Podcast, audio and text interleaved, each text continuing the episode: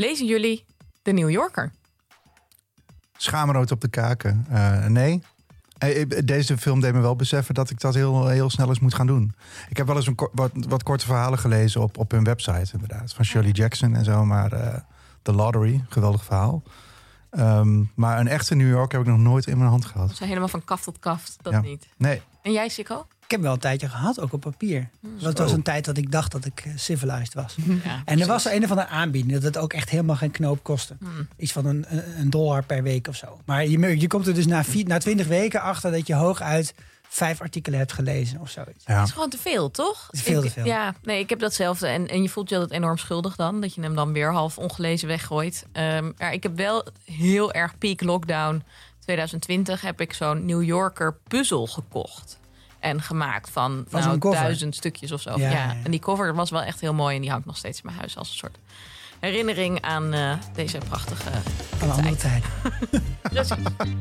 Dit is de Vierkante Oogshow, de popcultuurpodcast van dag en nacht. Wij zijn Sikko en Annaluna. Vandaag helaas zonder Esther, maar je hoorde het al, met Gijs. Gijs! En Gijs is co-founder van het platform Vriend van de Show. En daarom ook onze vriend. Zo gaat dat. Krijg je gewoon gratis vrienden bij. Precies. Hij heeft een eh, eigen literair tijdschrift opgezet. Hoe heet dat, Gijs? De Leugenaar. De Leugenaar. Lekker. Ben jij dan ook, kunnen we dan vertrouwen op wat jij zegt vandaag? Of ben jij ook Dat is maar de vraag. Dat is altijd dat is überhaupt in dat hele tijdschrift de vraag. Oké, spannend. En jij bent een Wes Anderson fan. Zeker. Nou, de perfecte gast dus om vandaag aan te schuiven bij onze bespreking van The French Dispatch. De nieuwe Wes Anderson film die nu in de bios draait. De film is een soort tijdschrift in filmvorm. We krijgen vijf stukken voorgeschoteld die geschreven zijn en aan ons verteld worden door de redacteuren van het tijdschrift The French Dispatch. Het opent met een in memoriam voor de zojuist overleden hoofdredacteur. Dan gaan we naar een rubriekje van de fietsende reporter in de stad Annui-sur-Blasé. En dan volgt eigenlijk de hoofdmoot. Drie korte verhalen. Het eerste daarvan gaat over een kunstenaar in de gevangenis en komt tot ons in de vorm van een lezing door J.K.L. Berenson. Het tweede, geschreven door Lucinda Cremens, gaat over studentenprotesten. En het derde verhaal is gegoten in een vorm van een interview met Roebuck Wright, die vertelt over de avond dat de zoon van de politiecommissaris werd ontvoerd. Ik hoop dat je het nog kan volgen. Ehm, misschien heb je deze film al gezien. moeilijk, hoor. Ja. Of niet. Dit was redelijk spoilervrij. Maar wat denk ik wel duidelijk is, is dat het geheel een enorme mozaïek is van personages, van verteltechnieken en van genres. En dat betekent dat we genoeg te bespreken hebben vandaag. Ja, even voordat we beginnen, heeft een van jullie toevallig een rauw ei bij zich? Want ik heb al een anchovies en een eh, augurk in mijn drankje gegooid, maar ik heb nog een extraatje nodig. Je hebt nog een rauw ei. Nee, dat heb ik eh, niet bij me. Ik heb alleen twee gekookte eieren bij me, dus het gaat net niet lukken. Jammer. Heel Volgende jammer. keer beter. Eh, dit was dus iedereen die nog niet deze film gezien had, denkt nu echt: wat? Waar heb je het over? Maar korte eerste reactie. Wat vonden jullie van deze film? Ja, het kan zijn dat, dat, dat ik nu vers uit de bioscoop loop. Nou, twee dagen geleden. Maar eh, ik ben echt super enthousiast over. En eh, ik ben benieuwd of dat eh, met de tijd nog wat weg appt of niet. Dat is wel eens gebeurd. Eh, ik vind het de beste film sinds de Royal Tenenbaums. Wat echt gewoon mijn onbetwiste favoriet was. en. Dus eh, ja, Even een binnenkomer hier. ja. Jij bent er mee eens, Sikko. Nee, Oké. Discuss. Mi- misschien is dat. ehm, ik denk ook heel vaak aan het einde van de film zou ik hem nog een keer gaan kijken. En eh, dat ik, er zijn ook films eh, die ik, waarvan ik dacht dat ik ze nooit meer zou kijken. Dan keek ik ze nog een keer en dan bleek ze fantastisch te zijn. Bijvoorbeeld eh, de Big Lebowski is daar een voorbeeld van. Maar er zijn ook, dit, ja, ook films die dat, die tand des tijds dus niet doorstaan. En ik realiseerde me later ook wel dat er best wel wat films van Wes Anderson zijn die ik gewoon een keer heb gezien. Eh, Out of Dogs heb ik één keer gezien of zo. Maar er zijn ook films die ik echt al vier keer heb gekeken. Zoals eh, Life Aquatic of The Royal Tenenbaums. En ik vroeg me hierbij gelijk af, zou ik deze nou nog een keer gaan kijken? En ik twijfelde er nog over. Dus dan kan hij eigenlijk nog niet de beste zijn voor mij. Nee, inderdaad. Nee. Maar en ja, ik liep eh, daarentegen echt weg en ik had meteen zin in de volgende keer dat ik hem ga kijken. dat is echt, echt letterlijk dom overgegaan. Dus- Eerlijk. ja, dus Ja, ik had bij deze film dat ik dacht, ik moet hem juist nog een keer kijken, want er gebeurt zoveel. Het is eigenlijk alsof je echt een live Ja, theatervoorstelling aan het kijken zo, bent. ja. Ook omdat er dus steeds gespeeld wordt met die genres, met perspectieven. En het is een raamvertelling in een raamvertelling, waarbij bijvoorbeeld dan ook nog eh, de tijd verspringt. Dus dan krijg je binnen een verhaal ineens een, een, een, een terugblik op een eerder stukje. Denk, jeetje, af en toe in die bioscoop zat het me echt ontzettend te duizelen. Ja. Dat was wel heel toepasselijk, want het is ook een beetje het gevoel dat je dan krijgt bij de New Yorker lezen. Dat je denkt, huh? ik ging toch een verhaal lezen over dit onderwerp. Ging en nu zit ik ineens in een heel ander soort genre. Maar dat is ook natuurlijk wel echt de aantrekkingskracht ervan. En dat was ook wel echt heel erg, eh, heel erg leuk. En dat eh, was ook wel tof. Ja. Dus ik had juist dat ik dacht, ik moet hem nog een keer kijken. Mhm. Ehm, maar dat zal wel nog een tijdje duren Ja. voordat eh, ik daar tijd voor maak. Laat ik het zo zeggen. Omdat het al gevallen is natuurlijk de New Yorker. Ik, ik heb vaker gedacht bij films van Wes Anderson... van wie, wie, wie is nou de fanbase van Wes Anderson? En daarom vind ik het op, op zich heel verbazingwekkend... dat jij zegt, ik heb de New Yorker nog nooit gelezen, Gijs. Want ik denk dat dit toch echt wel de meest accurate beschrijving is... van het publiek van Wes Anderson. Dat zijn mensen die dus... eh, blijkbaar wel ook houden van de inhoud. En dit, deze film draait gewoon voor een heel groot gedeelte om het narratief. Dat is gewoon, ja, als je, wij liepen de, de, de zaal uit, ook Mhm. zei ik dat tegen elkaar aan doen van dit ging over verhalen. Hmm. Maar toch draait juist de manier waarop Wes Anderson films maakt en waarom ze zo- zo herkenbaar zijn, draait helemaal om de vorm. Ja. Wat ook weer heel des New Yorkers is. Ja. maar volgens mij pakt het juist daarmee, dit, dit is de doelgroep. Ja. Mensen die de New Yorker lezen. Nou ja, mensen die, ehm, die wel bovengemiddeld hoog opgeleid zijn, zou ik in elk geval zeggen. Ja? En in dit verhaal, ik vond het heel leuk dat het dus in Europa gesitueerd is. En dat het heel erg die blik van Amerika op Europa meeneemt. En dat is natuurlijk ook in de New Yorker wordt Europa heel vaak toch gebruikt. De oude wereld, de beschaafde wereld. Jij liet het woord ook al vallen. Van het moment dat je je beschaafd voelt, is het moment dat je de New Yorker leest. Ik denk dat dat voor veel mensen wel een beetje geldt. Het is ook een soort eh, conspicuous consumption dingetje of zo. Wacht even, wat? Dat je door je consumptiepatroon je identiteit uitdraagt. Ah, ja. Dus zoals mensen dan zo'n stapel eh, New Yorkers in hun huis hebben liggen. Ongelezen. Ja, ja. En ook onge- dat, het Ja, is daar ook heb ik een bij de verhuizing dus afscheid van moeten nemen Ja. van die stapel.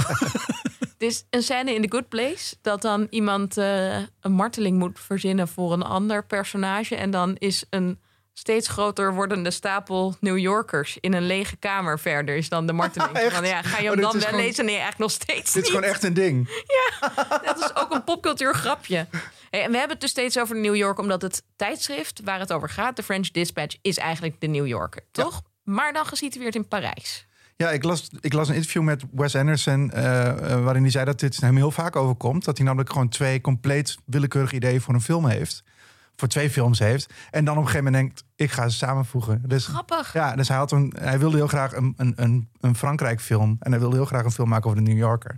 En toen in één keer dacht hij, oh wacht, als ik, als ik gewoon een tijdschrift maak... dat gemaakt wordt in, in Frankrijk, dat heel erg New Yorker-achtig is... maar eigenlijk voor expats geschreven is en door expats. Dus zo is het eigenlijk dus geboren, eh, blijkbaar. Ja. Ja. Je En dat- kunt ook ja. trouwens gewoon naar een interview met onder andere Wes Anderson van de New Yorker Radio. Ja, Robert heel meta. Ja. Ja, dan, dan zit je wel in een raamvertelling. Ja, dat is wel echt mooi.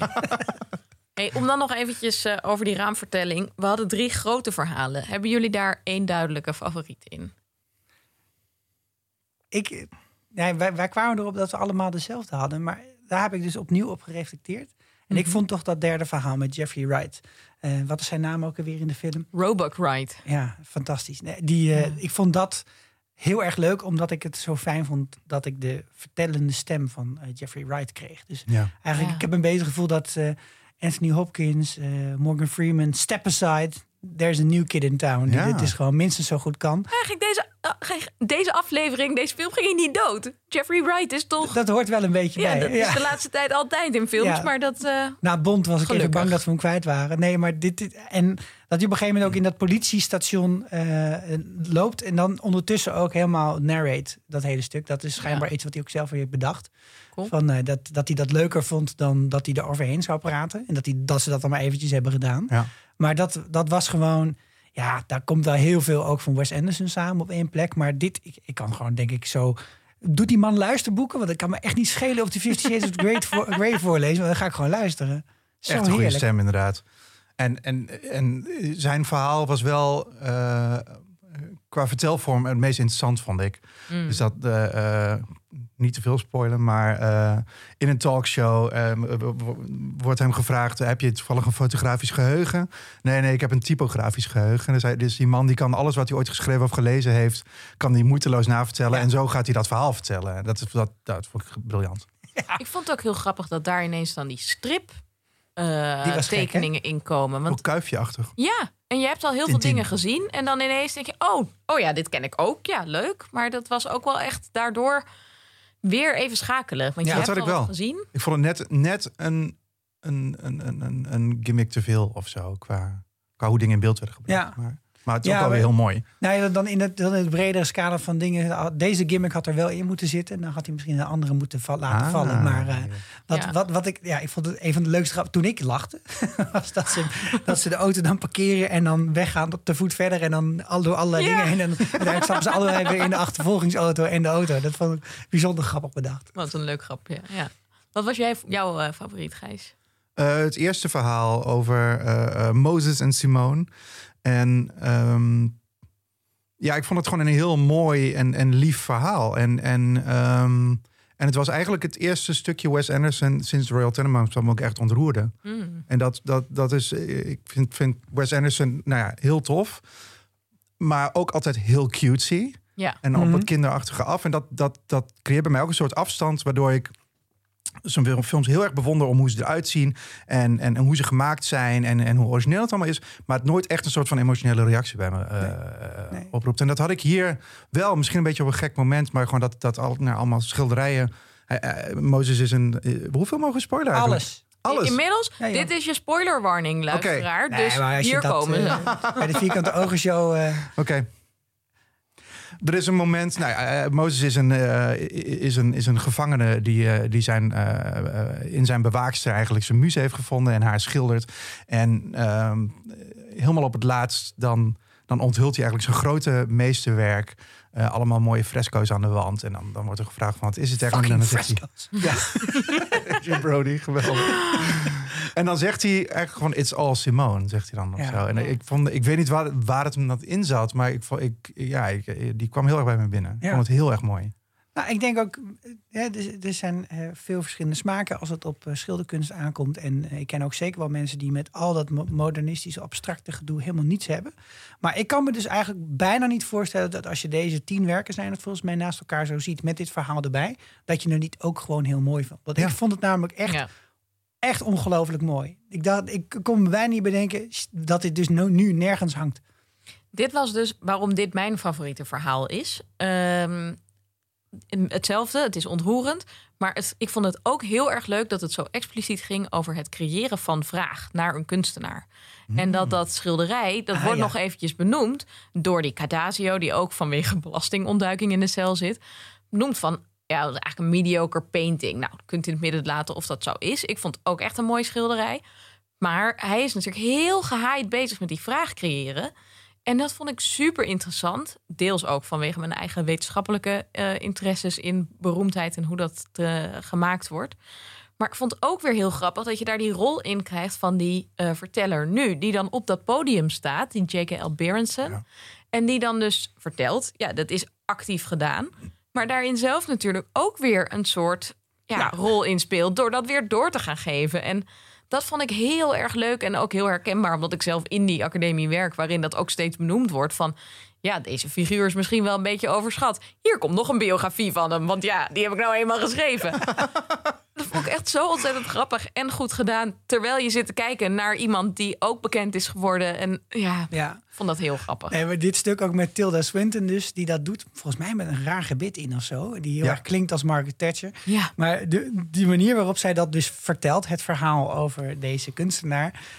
daar zitten allerlei hele vreemde kronkels in. En, en, en heel veel van dat totaal buitensporige taalgebruik. Maar dan bedoel ik vooral, vooral heel ingewikkeld. academisch wollig. Ja. En ik dacht echt van, dit, dit had dus ook gewoon echt kunnen zijn. Ik denk zelfs dat je dit kunt doen op zo'n type congres, zo'n verhaal afsteken... en dat er niet eens heel erg opvalt.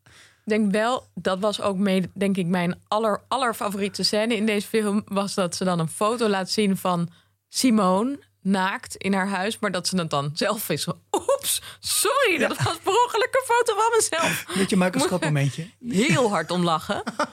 Vond ik echt heel leuk. Maar dat zou je dan weer niet zo snel zien op een conference. Nee, misschien niet. Nee. Nou, en wat jij net zei, Gijs, dat dus dat cutesy. Ja. En eh, Ik had ook ergens opgeschreven, want ja, dacht dat ik met allemaal mensen zat te appen, maar ik zat mezelf te appen in de bioscoop, omdat ik het anders niet. De vorige keer heb ik het opgeschreven en toen kwam ik erachter dat ik door mijn handschrift gepromoveerd was tot afgestudeerd arts, want zo slecht was het te lezen. Ik zat ook echt naast jou in die bioscoop en ik zat altijd zo naar je telefoon te kijken. En ik dacht, waarom zit je nou elke keer opnieuw een berichtje te sturen naar iemand die niet reageert? Ja. Dan zit je gewoon de hele tijd te pushen van, reageer nou bitch, waarom zit je dit te doen tijdens deze film? Maar goed, een van, een van de opmerkingen die ik had opgeschreven was dus ook: It bears no consequence. En dat heb ik heel erg vaak bij Wes Anderson films. Dus zelfs de een film zoals de Darjeeling Limited, die, die moet gaan heel erg over families en over hoe je met je broer en je moeder en eh, praat. Dat nog steeds maakt niet zulke hele grote emoties bij me los. Nee. En de meeste films doen dat niet, omdat het allemaal toch overkomt als een soort poppenhuisvertelling. Ja, En dat was in dit precies dat. daar ben ik helemaal met jullie eens. Dat was hier echt heel anders. Dit voelde gewoon toch alsof ik echt iets had meegemaakt. Ja. En daarom vond ik het dus de beste. maar en, en, en denk je dat, dat het zwart-wit, eh denken jullie dat het zwart-wit eh, daar een element in is geweest? Ik weet niet, is dit de eerste keer dat er in zo'n Wes Anderson film geen kleur zit? Want normaal gesproken is dat zeg maar hetgeen wat je gelijk herkent. Ik weet nog Mm. dat ik in de bios zat en dat er een trailer van de Grand Budapest Hotel kwam. Dat ik de eerste shot alleen maar zag dat Ja. ik het al wist, weet je wel. Alles Had ik hierbij ook wel. Ik heb, eh, misschien is dit zijn grote uitdaging geweest voor hem. Dat denk ik, ja. Want hij heeft natuurlijk één keer al de uitdaging gehad van kan het ook zonder mensen. En toen heeft hij een Roald Dahl boek eh, met poppetjes Ja. gedaan. En toen bleek dat hij dat kon, deed hij dat nog een keer met, maar dan met honden. En, en nu was misschien wel zo'n uitdaging, kan het ook in zwart-wit. Maar ik weet niet zeker of ik dan Ja, nu... hij heeft het wel, eh, ik weet niet meer welke film, hij heeft het wel eens heel kort toegepast. Maar hier was het zo prominent Ja. aanwezig. Als een soort van, volgens mij wilde hij aangeven welk trapje van de raamvertelling je zat, zeg maar. Ja. Van nu zit je echt in het verhaal en dan trappen Ja. we weer terug naar wie het Ja. vertelt en zo. Maar En het maakt, die, eh, eh, het maakt het moment van die onthulling zoveel sterker. Ja. Ik denk dat dat ook heel erg Ja. uitmaakt. ja, Dus- Van de onthulling dat er iemand aan het vertellen is, bedoel je? Of ja, maar ook wat? van het, van, van het kunstwerk. die zijn in, dat is het enige moment dat je Ja, dat verhaal, of in ieder geval het belangrijkste moment dat je dat verhaal in kleur ziet. Worden die kunstwerken onthuld en dan is het een keer zo pauw, al die, Ja. die roze, rode Ja, toch? Of herinneren we dan ons verkeerd omdat het Nou, mooi nee, zou klopt zijn? wel. Maar je ziet natuurlijk ook die lezing van, van eh Berenson zie je ook in kleur. Dus daardoor... Maar dat geeft dan dus aan van nu zitten we meer in het... Het is ook niet het heden. Dus het is... Ik vond het dus verwarrend Ja. dat ik daardoor elke keer afgeleid was van... Huh, waarom is het nu weer zwart-wit en nu weer niet? En dat eigenlijk irriteerde dat stukje me een beetje. Maar ik kijk ook gewoon echt niet graag naar zwart-wit films. En ik val gewoon een beetje in slaap. We hadden ook bij WandaVision hadden we het, die eerste paar afleveringen. Ja, daar moeten Oh, we heel echt doorheen trekken. Ik vond dat echt best wel saai. Maar echt Ja. mijn, mijn Dus lievelingsaflevering. op een dieet van koken en Red Bull is dat gegaan. Dat, Ja, grappig. dat was ook waarom ik het leuk begon te Ja. vinden. Dus ik, Nou, ik denk dus wel dat deze film ook echt voor iedereen wat biedt. Omdat we er dus op heel andere manieren allemaal dingen leuk aan vinden. Van welke Dat- kleur je ook houdt. Ja, wat ook je ding is. Ja, Hadden jullie ook favoriete scènes? ja absoluut. Eh, eh, meerdere. Maar ehm, de eerste keer dat ik dacht van... oh, dit is echt heel knap gedaan... was, was eh, nou, weer Moses en Simone. Die worden geïntroduceerd... was echt nou, een soort Noorse kunstenaar... die, zijn, eh, die, die eigenlijk een, een, nou, een studentje staat te tekenen. Zo wordt het bijna. Hij loopt naar haar toe... en, Ja. en hij zit dan ook nog eh, haar buik te, te beverven. En dan op een gegeven moment geeft ze een heel harde klap tegen de kwast. En dat is heel spannend. En dan gaat er een bel in één keer. En dan denk ik van, wat is, wat is dit nou? Is het lesuur voorbij of zo? En dan gaan ze zich, gaat zij zich omkleden. En dan komt ze in een bewakerspak eruit. En dan krijgt hij in één keer een, een hoe heet het, een straight jacket. Een, een, eh, Wangbuis. een dwangbuis aan. En dan, dan zie je dus eigenlijk pas wat er aan de hand is. Ja. Ja, dat Ja. vond ik echt prachtig ingeleid. Vond ik ook heel Ja. goed. Ja, zeker. nou, ik denk dat misschien niet een specifieke scène, maar gewoon heel veel van die scènes dan bij Howardser op kantoor.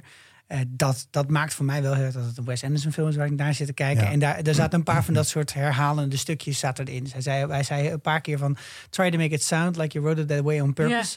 Wat ik heel erg leuk vond. En ik weet nog steeds niet helemaal wat hij ermee bedoelt.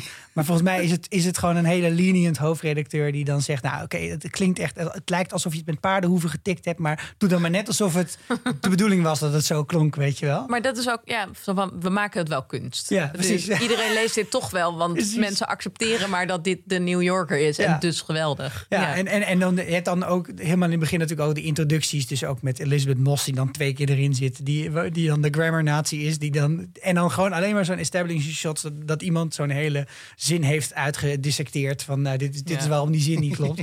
En dat die dingen met elkaar zo in samenhang vond ik dus. Dat, ja, dan word ik altijd, als dat dan begint in zo'n film, dan word ik altijd heel vrolijk. Ik vond het stukje ook nog heel erg leuk. Ook zo'n gesprekje met eh, de hoofdredacteur en die Roebuck Wright. Die ehm, op zijn kop krijgt omdat hij eigenlijk een stuk zou schrijven over food. En dan heeft hij eigenlijk een soort van thriller geschreven. Ja. Ja.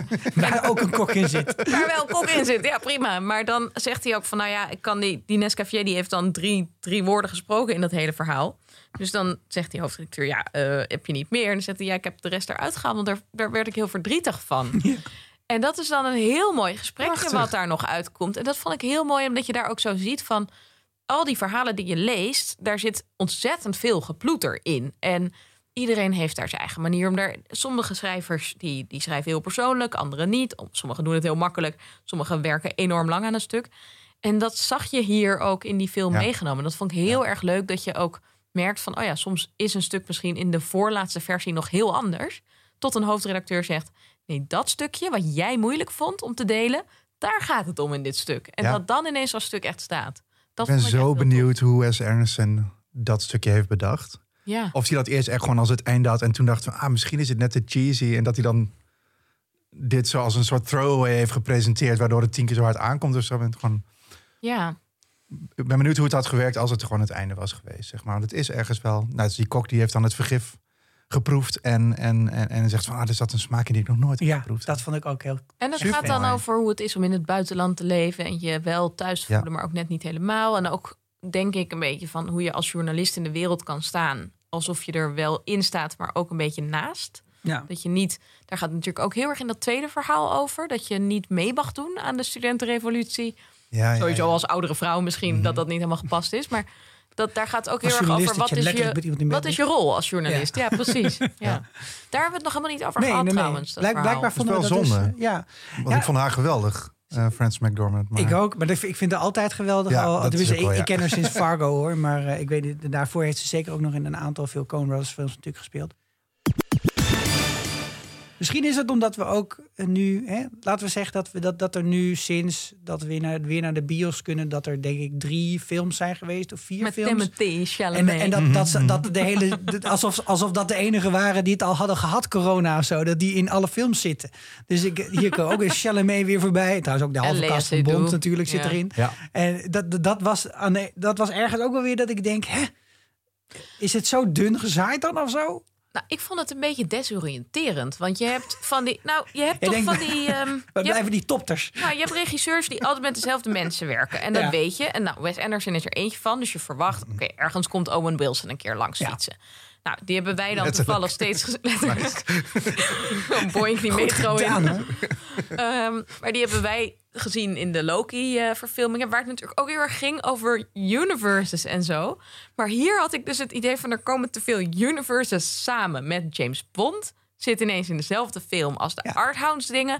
Alle Als de mannen uit het Marvel leven van dingen. Phoebe van Friends. Ja, Haar vader, haar was- eerste vriend. Haar gynaecoloog. Oh, wauw. zitten er allemaal in. Daardoor het voelt het te... In, in dat opzicht voelt het een beetje alsof je in een soort van spiegelpaleis zit. En dat je denkt, je kijkt om en oh, er is weer iets. Oh, er is weer iets. En Ja. dat, dat maakte ook eigenlijk op dezelfde manier als wa- wat jij zei van eh, dat cutesy gebeuren. Daardoor ervaar je distantie. Ja. In deze film kon ik ook niet loskomen van, oh, waar ken ik die van? Oh, waar ken ik die van? En dat maakte Ja, dat ik niet altijd in het verhaal zat. Het was echt ja. een spel in die Ja, precies. Ik had dat Ja. eigenlijk alleen bij Timothy Chalamet. Die vond ik echt Ja. afleidend. Eigenlijk in elke Oh. film waarin hij zit. Hij is ook gewoon heel knap. Omdat hij zo knap Ja, is. precies. Ja, precies. Nee, maar ja, dat, Hoe krijg dat, je was raar? dat is gewoon Timothy Chalamet. Ja. Maar, en de rest waren gewoon Wes Anderson acteurs. Dus ik, was, ik had ze wel een beetje verwacht. En helemaal achter de schermen, als je die Chalamet dan hoort praten over de film waar hij in zit, dat hij dan ook op zo'n hele volwassen manier over de regisseur praat, dan wil ik die jongen wel wurgen. Dan heeft hij ook nog zulk mooi haar. Echt wat een klootzak. En Maar wel Jeremy Wright was natuurlijk een, eh, een, een nieuweling. Ja. Die het wel geweldig deed. En meteen vast is gelegd voor de volgende. eh, Ja? Jeffrey Wright. Jeffrey Wright, Ja. sorry. En, en ze, ze, Christopher Waltz zat er ook ineens in. Oh ja, ja maar, ook van eh, James. Ja, nee, inderdaad. Ja, Maar, en, en van Inglourious Basterds, ja. Maar die, eh, dat, dat was echt... Dat, dat is natuurlijk iets wat hij vaker doet. Hè. Daar heeft hij van die A-acteurs die een B-rol hebben. Ja. En dat vinden ze ook allemaal... eh, Ik bedoel, die Defoe die doet ook al, ook heel al, sinds ja. de duikboot. Dat zijn gewoon live goals. Ja. Elke acteur, ja. Maar dat, ja, misschien was dat wel te veel in deze, eh, in deze raamvertelling. Dat het, ja. en verder, ja, het was... ik vond daar gewoon in dat verhaal zat niet echt iets wat heel erg.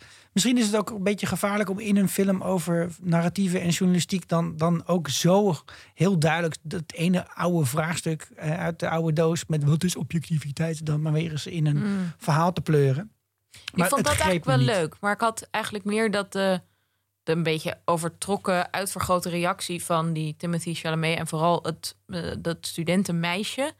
Die vond ik Oh ja. gewoon een beetje tegenstaan. En het, dat was denk ik gewoon het verhaal dat het minst goed was uitgewerkt of het minste plot ook had uiteindelijk. Ja. Het ging toch gewoon heel erg over gaan ze uiteindelijk met elkaar naar bed. Ja, prima. Ja. Ik vond wel heel grappig die scène waarbij zij bij die ouders komt eten. Dus dat, dat was ook zo'n zwart-wit stukje. En dan gaat ze naar de wc en dan ziet ze hem in bad. En nou, dat is allemaal grappig. Maar ook dat dan iemand uitgenodigd is en dat zij echt is van... nee, dit is geen officiële date. Ik wist niet dat jij kwam. Ja. Doei, ik ga nu naar is. studentenprotesten. Ja, ja. Dat was wel heel leuk. Ja. Maar die protesten zelf vond ik eigenlijk een beetje te warrig of zo. Vond, ik- er zat te weinig... eh, Ik verloor daar ook een beetje mijn concentratie. Ja. Ja, Als ik erover terugdenk. Waar, waar was het? Waarom was het?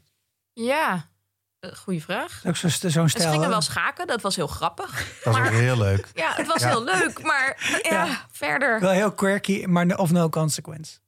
Nee, precies. Ja. Ja. En cute. Dat ze seks gingen hebben, was een geweldige scène.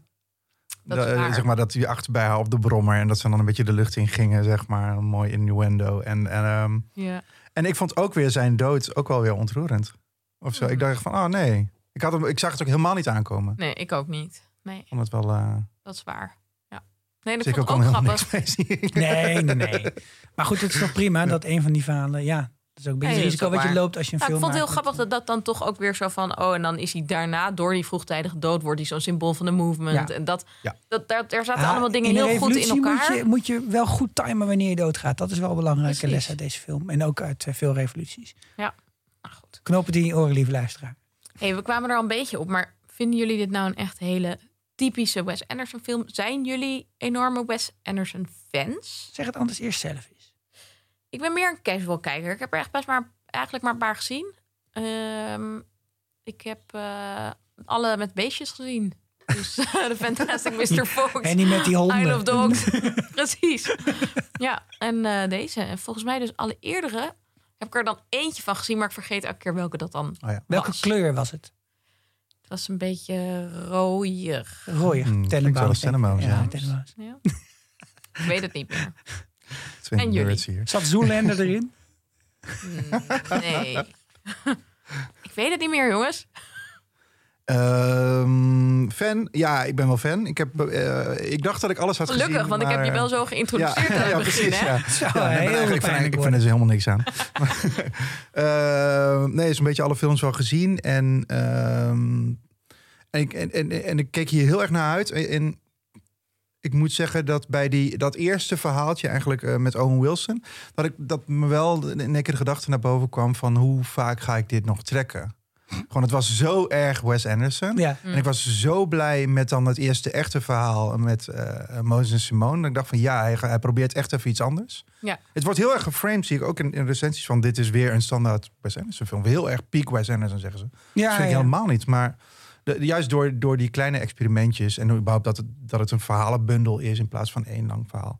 Ik vond veel meer Moonrise Kingdom en, en, en de Grand Budapest Hotel echt een soort van peak Wes Anderson. Waarin hij zijn, zijn ding helemaal had geperfectioneerd. En, eh, En wat is dan dat? Want nu, ik herkende wel echt elementen uit bijvoorbeeld Isle of Dogs. Dat is wel een, een groot verhaal, maar daarbinnen heb je wel af en toe zo'n enorme uitweiding die ineens ergens naartoe Ja, gaat. van die die, actes. ja, die zie je dan niet helemaal voor je. Voor, of, of, of dat, ja, het is best wel fantasierijk. Dus je denkt, oh, we beginnen hier, het gaat daar uitkomen. Dat is niet zo. En aan het einde komt wel een, een rond verhaal voor het hele verhaal. Dat had je hier ook wel een beetje. Dat er echt af en toe een soort van gekke plot twist in zit waarvan je denkt, huh? ja, Dus is dat dan Piek Wes Anderson of niet? Misschien wel, ja. Ik, eh, waar ik op doelde is, is echt gewoon het visuele aspect. Mm. Gewoon eh, alles lekker symmetrisch, mooie kleurtjes, alles heel cute. Ja. De- Het, het, het supergeweldige k- camerawerk, de- ja, waar ik best wel moest gniffelen was. Dus er komt een, eh, een, een, een jongen zijn kant, eh, het kantoor van de hoofdredacteur binnen en eh, die, die wordt op, meteen ontslagen en die begint te huilen, no crying. En dan gaat de camera van die jongen die voor een deur staat recht omhoog naar een bordje, no crying. Ja, dat, dat is, dat is peak Wes Anderson. Maar ja, ik vond dus eh, al die zwart-wit dingen gewoon een stuk rauwer, minder symmetrisch ook. Gewoon, en dat vond ik heel, heel verfrissend. Ik wist niet dat zwart-wit zo verfrissend kon zijn ten opzichte van zoveel kleur. Dit wordt wel de titel van de aflevering, toch? Zwart-wit. Ik wist niet dat zwart-wit zo verfrissend kon zijn. Nou ja, zou ik wel een mooie vinden. Voor alle kleuren. Dit, ja, dit was gewoon wel een Wes Anderson film. Eh, Dat was zo, ja. Dat ja, is absoluut waar. is dat Nico, wel, ja. eh, maar heeft hij het ook wel aan meegeschreven en een andere, andere dingetjes ook wel gedaan. Ik zag ook inderdaad wel experimenten die ik leuk vind. Eh, en dat vind ik ook wel des Wes Andersons. Dat hij één keer in de zoveel keer dan weer iets doet, maar dan doen we het net weer een beetje anders. Ik denk wel dat hij inmiddels zo'n schare acteurs heeft eh, verzameld. Dat het bijna gewoon een beetje ja, jouw effect wat jij net beschreef eh, eh, oplevert. Dat je, van, dat je meer bezig bent met waar, waar ken ik die van? Of eh, wat is het vet dat ze er allemaal in zitten. En dat, dat het eigenlijk draait om, om het verhaal. Ik kan me eigenlijk wel veel Wes Anderson films ook niet per se meer plot herinneren eerlijk gezegd. Ja. Dat ik niet achteraf dacht van, oh ja, Moonrise Kingdom. Ja, nou, en die had het gedaan. Dat- Het gewoon met die kinderen. ja, het is gewoon die kinderen en ja. op de eiland. En dan is Bruce Willis erin met de politie. Het is echt precies wat van die film. Maar wat ik heel Klinkt erg... wel leuk trouwens. Wat ik, wat ik altijd heb met zijn films, ik ga daar graag heen, omdat het een bepaald soort zorgeloosheid en eh, eh, ja, een soort het- het, Lichtheid of Het, ja, het trekt je even Ja. los uit Ja. de dagelijkse sfeer. En dat wordt ook, vergis je ook niet, dat wordt ook heel erg gedaan door de muziek. Ik had net Mhm. na het eten, het was echt een drama met twee kinderen en eh, in drie bedrijven en gegil en geschreeuw en god. Dus ik had na het eten even gewoon een, een Wes Anderson playlistje aangezet en dat werd gewoon helemaal sereen in mijn keuken. Fijn. Dat was gewoon ineens helemaal. Er zat ineens iemand de krant te lezen. Ik dacht, daar- en ook hij is 2,5, dus dat, ik snap ook niet dat dat. en Dit is het wondermiddel, ja, dit is, dit is, je moet dit aanzetten. En Misschien moet je een keer bij Ik ken iemand die komen vertellen hierover. Ja, ja, dit is bij deze een, eh, een openbare eh, sollicitatie. Maar dat is wat het bij mij los moet maken. Een Wes Anderson film. Juist ook gewoon die hè, heel erg kiezen voor een soort thema en dat, dat tot in den treuren uitwerken. En dat doet me dus ook altijd denken aan die, die gekke introductie en filmte- filmstijl. Dat je zo'n vierde muur doorbreekt, dat je langs die huisjes gaat of langs een kantoor. Dat je dan door, door de muur heen gaat met die camera en dan Ja. naar de volgende kamer. Dat vond ik heel erg leuk nu het begin. poppenhuis-idee Ja. altijd. En, en de mensen die poppenhuizen hebben, en er zijn er meer van dan je denkt. En die ko- krijgen binnenkort ook een programma bij Max met eh, André van Duin, vermoed ik. Maar die gaan ook altijd helemaal voor een bepaald soort stijl. Die zeggen, oh, dit is eh, Victoriaans. En dan gaan ze de allergrootste moeite doen om een of andere 1 centimeter lange vork te vinden... die dan op dat tafeltje moet liggen. En dat doet hij ook gewoon heel erg overdreven. Zeker. Ja. En zo overdreven dat, dat, dat je echt denkt van... Het is misschien ergens begonnen, die decor, met het idee van... hé, maar dat kun je ook goedkoper doen. Maar inmiddels zit er zoveel werk in dat het duurder is waarschijnlijk... dan als je het gewoon ter plaatse had geschoten of et cetera. Maar dat vind ik dus, ja... Dat, je komt niet heel vaak meer tegen in deze haastige wereld. Dat, dat iemand gewoon de tijd, moeite en energie steekt in iets gewoon helemaal afmaken. Ja, superveel oog voor dit. En dat, dat, dat vond ik heel evident ook weer in deze film naar voren komen. En dus zelfs met de dingen die hij dan dus anders heeft gedaan, heeft hij wel gezegd: maar dan gaan we dus wel helemaal doen. Ja. Gaan we precies helemaal uitvoeren hoe dat dan hoort. Dus dat met het zwart-wit. Dat, en dan ook zo'n zo'n klein eh, stripje tussendoor. Of dat aankondigings, eh dat opening credit ding. Het is gewoon op een of andere manier geen gat in te schieten. Het is gewoon helemaal ook dan super goed. De eindcredits met al die covers. Ja, Ja, prachtig. super mooi. Ja. Ja, dat was heel tof. dus ja, 100 procent denk ik wel. ja. En wat was dan het thema van deze film helemaal uitgediept is? Was het dan Frankrijk of was het dan Nee. journalistiek? Of Nee. verhalen? Of... Ja. Oké. Ja, het narratief. En dat is ook zo'n toverwoord. Maar hoe vertel je een verhaal? En eh, ik denk dat dat derde verhaal daar... Zeg maar, het eerste verhaal is denk ik heel klassiek. Het tweede is gewoon een beetje saai. En het derde is, is het meest spannend. Omdat daar dus ook een soort van... maar dit wilde ik eigenlijk niet vertellen. Of dus het zit, alles daarin klopt of zoiets. En dat is een hele spannende manier om iets te vertellen. Dus, maar ja, ik denk dat het over verhalen gaat. Ik kan het anders ook niet bedenken. Mhm. Want het zou natuurlijk niet, ik bedoel, een, een tijdschrift uit Kansas heeft natuurlijk dat is toch geen, eh, hè, bedacht. geen, geen speciaal issue over Frankrijk. Nee, dus dat, dat, kan het eh, niet wezen. Nou, ik moest wel ook echt heel erg vaak denken tijdens deze film aan alle Woody Allen films die in het buitenland spelen. En die Vicky Christina, Barcelona, The Midnight in Paris. De- Ja. Ook Owen Wilson trouwens, Ja. komt natuurlijk daardoor. Die, eh, Ehm, die, die gewoon worden betaald door de maar plaatselijke daar zit heel erg datzelfde in met zo'n terugkerende soundtrack. Met zo'n muziekje dat dan steeds weer. Ja, ja. En eh, personages die lekker mee aan ronddolen zijn. En dan een, een verhaaltje ertussendoor. En dan gaat het toch uiteindelijk eh, loopt het plot anders dan je denkt. Eh, maar ook best een beetje voorspelbaar uiteindelijk. Maar daar moest ik heel erg aan denken door die, ja, die setting in het buitenland. En dat eh het nostalgische ook eigenlijk voor gewoon überhaupt het buitenland.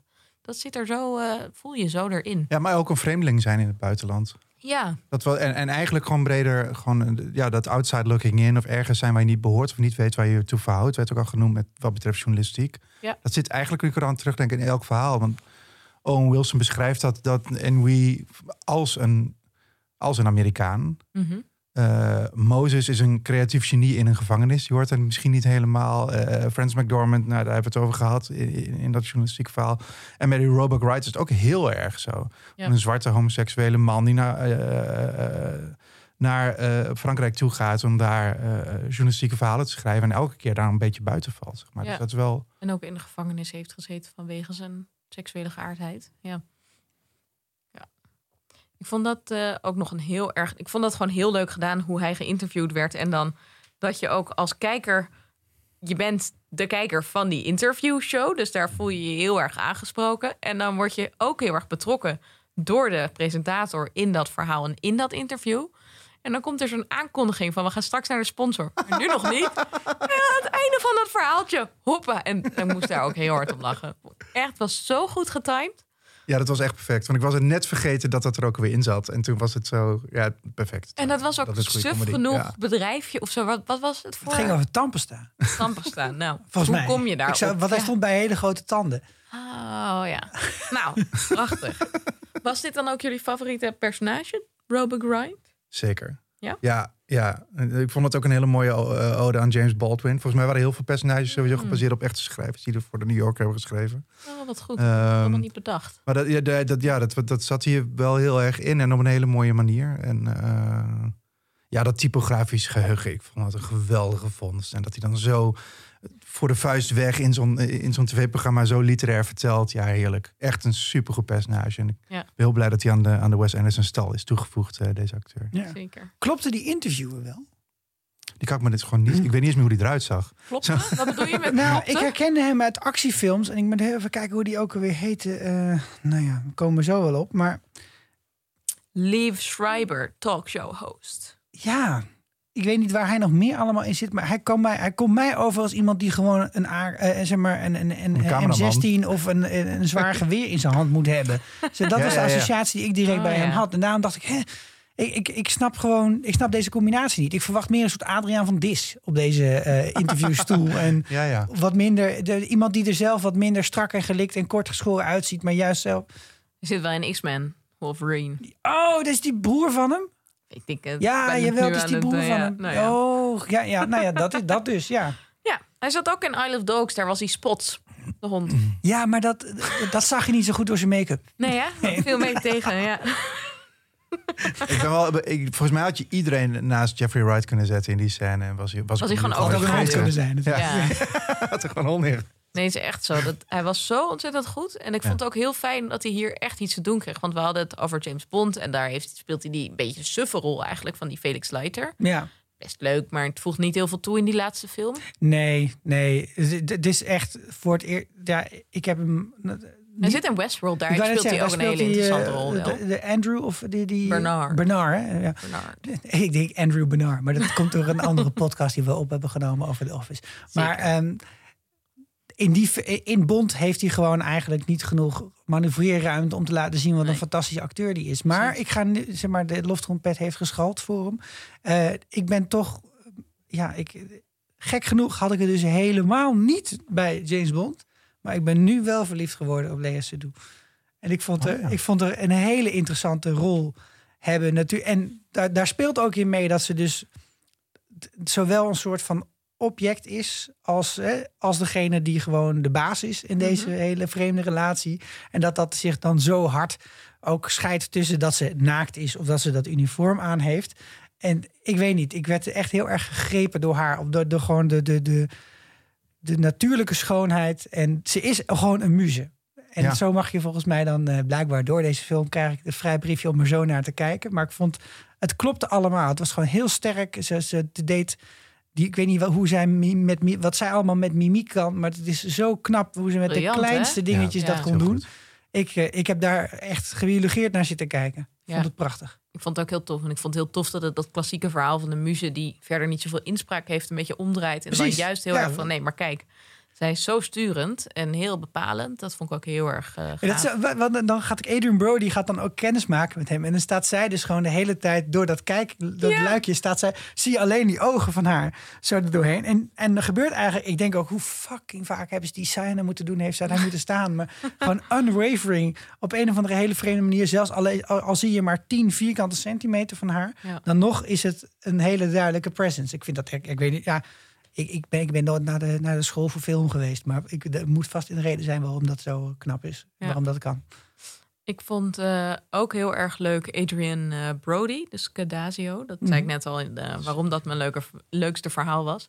Ehm, maar hij is ook een hele leuke acteur. En volgens mij ook heel sympathiek. Maar hij kan ook heel goed zo'n schurk spelen. En ehm, hij zit ook in eh, de volgende aflevering van Succession. Aflevering 4 komt hij ook. Oeh. En dat is heel leuk om die rollen naast elkaar te leggen. Dus als je eh, Succession nog niet kijkt, ga vooral doen. En luister dan onze nabesprekingen. Maar het is echt het is heel leuk dat hij daar dan ook zo'n ja, veel te rijke aandeelhouder eh, is... die eh, even zijn macht wil laten doen gelden. Dat wil ik heel graag zien. ja.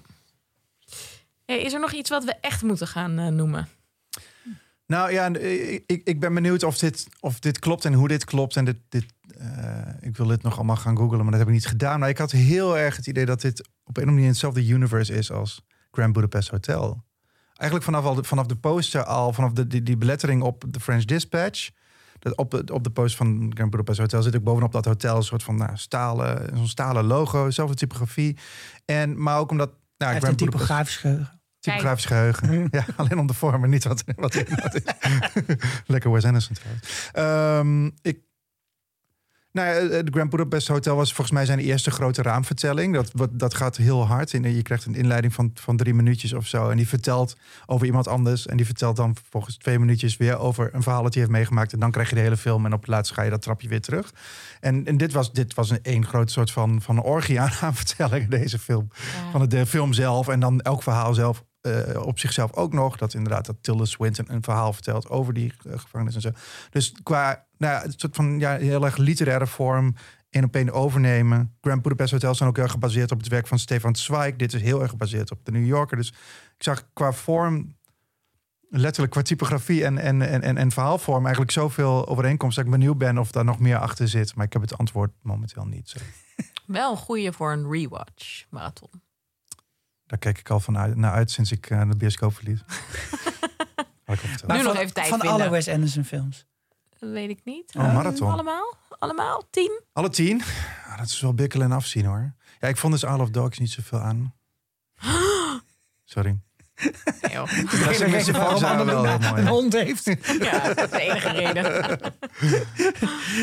Freddy was er niet geweest zonder die film. Dat zou heel goed kunnen. Ja. Oh, oké, ja. ik neem alles terug. Het is daar toch al gebeurd. ja. Ja, maar Ik die, heb het eruit. die, die, die Fantastic Mr. Fox wel een soort van unicum, toch? Binnen het, het, het oeuvre van Wes Anderson. Want die, veel van de acteurs die daarin zitten, zitten niet in die andere films. Zit George Staat- Clooney. George Clooney, ja. Ja. ja. Die heeft echt alleen maar die ene gedaan, volgens mij. ja. Ik had in deze film op een of andere manier ook het gevoel dat ik Ralph Fiennes al tegen moest komen. Maar dat was ook niet in ieder geval. Ah. Vol die Voldemort. Nee. Nee, die zat al in James Bond. Maar ja, had er best nog bij gekund hier. Misschien nog één. Ik heb allemaal nog kleine eh restaantekeningetjes. Maar één ding wat mij eigenlijk wel een beetje verbaasde, omdat het heel goed had gekund. In veel Wes Anderson, Anderson films is het hulpje, zeg maar, een soort belangrijk personage. Oh ja. Dus ook heel erg in de Grand Budapest Hotel. Maar er zijn wel meer films waarin dus juist een beetje de assistent van of zo. Ja, Dudley of zo. In Een-. Een- ja, precies. En een grote rol speelt. En ik dacht hier eventjes, dus aan het begin met eh, die hele, dat hele dienblad met al die alcohol erop om negen uur 's ochtends. eh, dan dacht ik eh, van nou, dit wordt ook weer zo'n film waarbij dat. Maar dat vond ik dus, ja, je zou nog de kok dan een hulpje kunnen noemen. Maar dat vind ik eigenlijk niet oké, want hij was echt kunstenaar. Maar dat, Dat zat hier helemaal niet in. Dat had ik eigenlijk wel verwacht. En dat vind ik ook Hmm. wel des, de, de, de, be- een beetje bijhoren. Ze moet in de volgende film weer terug. Want er zit een soort verheerlijking in ook. Juist van de, de, de mensen die, eh, als je gewoon je dagelijks leven leeft en je hebt haast waar je dus niet op let, die worden vaak juist door hem een beetje Naar voren. naar voren geschoven. ja. Kijk eens wat een, wat een belangrijke rol deze mensen spelen in het dagelijks leven. Überhaupt weinig kinderen. Ja, Zeg maar, die hulpjes waren ook vaak, ja het zijn ook vaak, eh, kleine kinderen. jongetjes. En, en dat eh, was nu eh, de, nou, Moonrise Kingdom, een, eh, eh, Kingdom een en al kinderen. En ja, hier eigenlijk alleen dat zoontje van, eh, van de police officer. ja. Ja, en, En er verder was het- ik had het gevoel dat die Timothy Chalamet die Oh ja. een be- Ja, eigenlijk nog een beetje kind, is, maar niet helemaal. Nee. Toch? Maar ik had voor het eerst in lange tijd, en dat was het misschien ook wel, eh, het gevoel dat het een film was die voor, echt voor volwassenen gemaakt was. Of zo. Ja. Die, die voor mij gemaakt was. Ja, dat was eigenlijk echt hele volwassen thema's. Ja. Allemaal. Ja. nou, dan zijn we denk ik aan het einde gekomen. Nee, nog niet, want er is nog één ander ding. Oh, je wilt eh, toch nog even terug in de tijd. Nog even in zwart-wit. Ik ga het toch nog even doen. Nee, maar voor, de, eh, voor jou dan, Gijs, als je het opnieuw weer gaat kijken, dan... eh, dan mij, Ik viel op, mij viel op een gegeven moment ook op dat het geluid heel erg verandert in de film. Oh, Dus als je van de ene vertelstijl naar de andere gaat, eh, van, van zwart-wit naar kleur, naar eh, ook tussen verschillende tijdperken. Ik, ik weet niet of dat zo is. En er zal vast wel een of andere nerd zijn hè, die heeft meegewerkt aan die film, die dat heeft laten werken ook hoor. Maar het klonk bijna alsof ze de opnameapparatuur uit die betreffende tijd of zo Oh. hadden genomen. Dus er waren, was op een gegeven moment was er echt vooral in die derde acte een soort van overslag van het ene naar de andere. Dat ik echt dacht, zo, het is echt een totaal ander geluid. En dat was dan denk ik niet de bedoeling dat je dat hoorde, want het is meestal juist heel vloeiend ging het. Maar dat vond ik wel grappig aan. Dus dat, dat, daar zit ook nog zo'n aspect in wat ook heel vaak in filmbesprekingen gewoon niet genoemd wordt. Geluid, dat interesseert blijkbaar helemaal niemand een vliegende donder. Ja. Maar dat was wel heel goed in deze film. En volgens mij Cool. zit daar ook een bepaald soort speelsheid in. leuk. Leuk om op te letten als je hem nog een keer gaat kijken. Ook voor onze luisteraars die eh, misschien met deze kennis nog een keertje de bioscoop ingaan. Of hem thuis nog een keertje kijken. Ja, ik ga dat ook wel doen hoor. Toch wel, hè? Ja, Nice. ja, ja. je, ik Ja. merk dat je, er, dat je een beetje voor opgewarmd bent in deze... nou ja, en eh, dat is ook waarom ik deze podcast luister. Ga je hem dan ook nog een keer terugluisteren en dan daarna denken van nee, ik ga hem nog een keer kijken. En dan ga ik nog een goed geluid is deze keer. Nou, we zitten nu in de studio, dat helpt. Mensen, dit was de Vierkante Ogen Show. Dankjewel voor het luisteren. Wil je laten weten wat je van de aflevering vond? Of heb je een fantastisch inzicht of idee dat we moeten meenemen? Laat het dan weten via vriendvandeshow.nl slash vierkante ogen. Mede gemaakt, mogelijk gemaakt door. Gijs. Jemig. Daar kun je ons steunen met money of met liefde. En je kan er al onze oude afleveringen vinden. Bijvoorbeeld over James Bond, The Office of WandaVision. Al die dingen die we toevallig even gedropt hebben al in deze aflevering. Die kun je daar dus terugluisteren. En is er nou iets op Vriend van de Show wat, waarvan jij denkt, nou, knijt te veel werk aan gehad om dat mogelijk te maken, maar niemand gebruikt het? Oh my god.